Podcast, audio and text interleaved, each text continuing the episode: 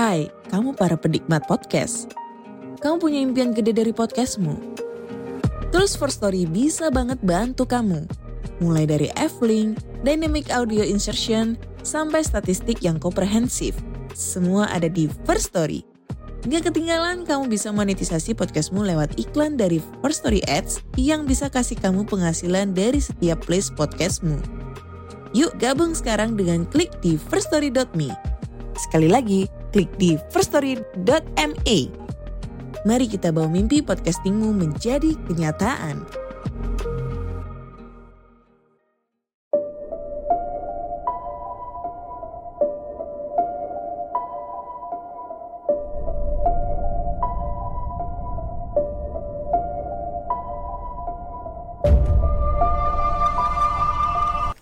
Selamat malam dan selamat datang. Saya Denny, narator dari Rumah Horor Indonesia dan Cerita Tengah Malam. Seperti biasa menyebut kalian untuk mendengarkan sebuah cerita horor di malam hari ini. Dan cerita kita di malam hari ini berjudul Sutarsi. Selamat mendengarkan. Di suatu perkampungan, tepatnya di Desa Karangsari, Cikelet, Kabupaten Garut Selatan, Jawa Barat, Di situlah awal mula cerita ini berasal.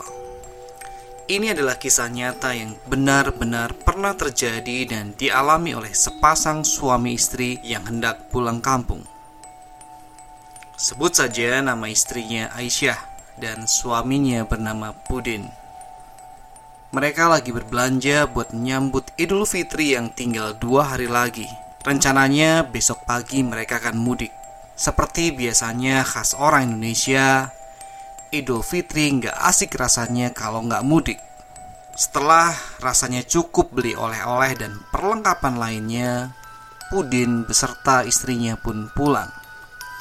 Keesokan harinya, pagi-pagi sekali mereka berangkat bersama karena mereka sudah mengetahui kalau musim mudik pasti perjalanan macet parah. Duh pak, Nyampe jam berapa ya ke kampung kalau perjalanan macet seperti ini? Aisyah bertanya kepada suaminya. Ya nggak tahu, mungkin menjelang maghrib. Biasanya kan kalau nggak macet, asar juga kita nyampe. Ya sekitar maghriban lah. Pudin menjawab tegas. Wah, kalau gitu kita nyampe rumah malam dong pak Aisyah cemas Ya nggak apa-apa Kan ada bapak Tenang aja Pudin menenangkan istrinya. Iya pak, duh, turun dari mobil nanti kita jalan kaki jauh banget. Mana ini lagi hamil muda lagi? Aisyah bergumam. Karena mereka memakai kendaraan umum, jelas saja perjalanan terasa lama karena mungkin macet dan turun naiknya penumpang.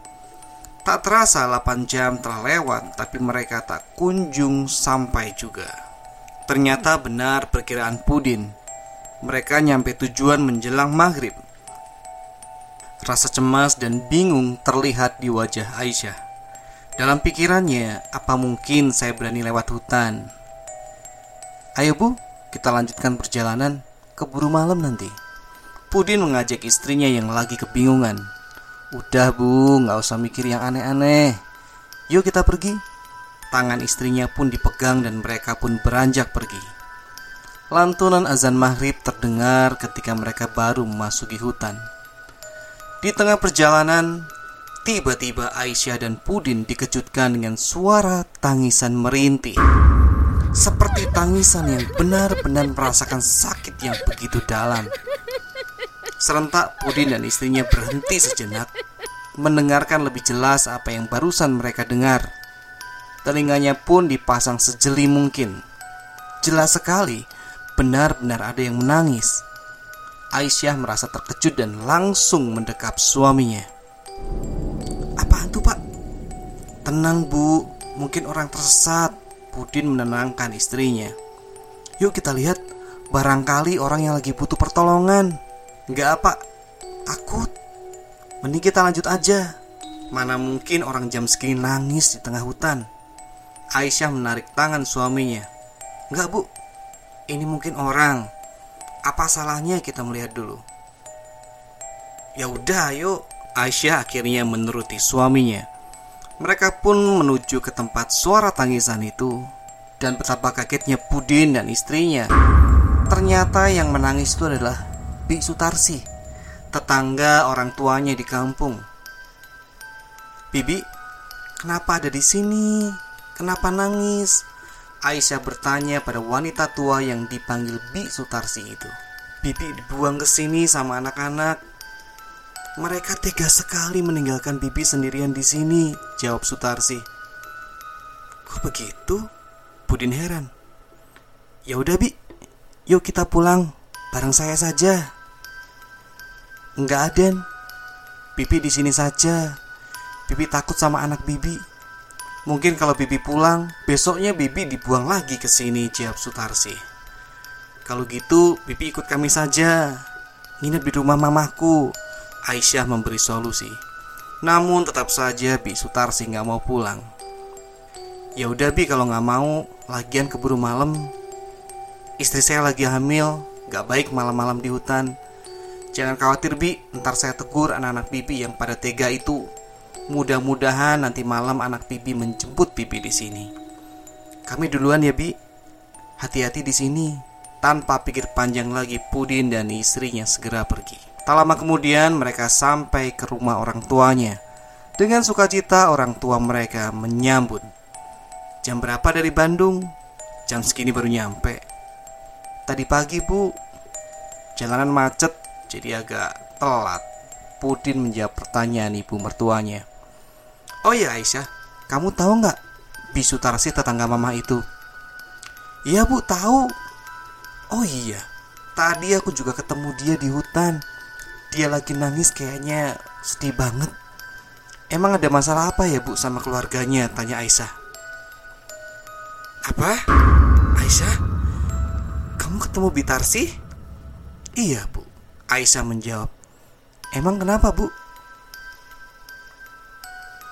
Bisu Tarsi sudah meninggal Aisyah tadi sore. Apa bu? Aisyah dan suaminya kaget banget. Yang benar bu Iya Sekarang juga bapakmu lagi tahlilan di rumahnya Ibunya menjelaskan Kok bisa ya bu aku ketemu sama dia tadi di jalan Kan dikuburnya memang daerah situ. Kalau nggak salah di ujung jalan sebelah kiri dekat dengan kebun anaknya. Yang ada pohon pinus besar ibunya menjelaskan. Iya bu. Aku ketemunya memang di sekitar situ. Dia lagi nangis. Duduk di bawah pohon pinus itu bu. Aisyah meringis takut seraya tangannya mengusap perutnya yang buncit. Aduh, semoga saja anakku baik-baik saja ya, Bu.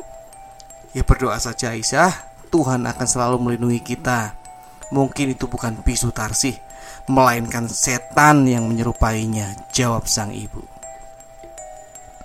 Oke teman-teman, itu cerita kita untuk malam hari ini. Terima kasih sudah mendengarkan sampai akhir. Sampai ketemu di cerita horor berikutnya. Selamat malam dan selamat beristirahat.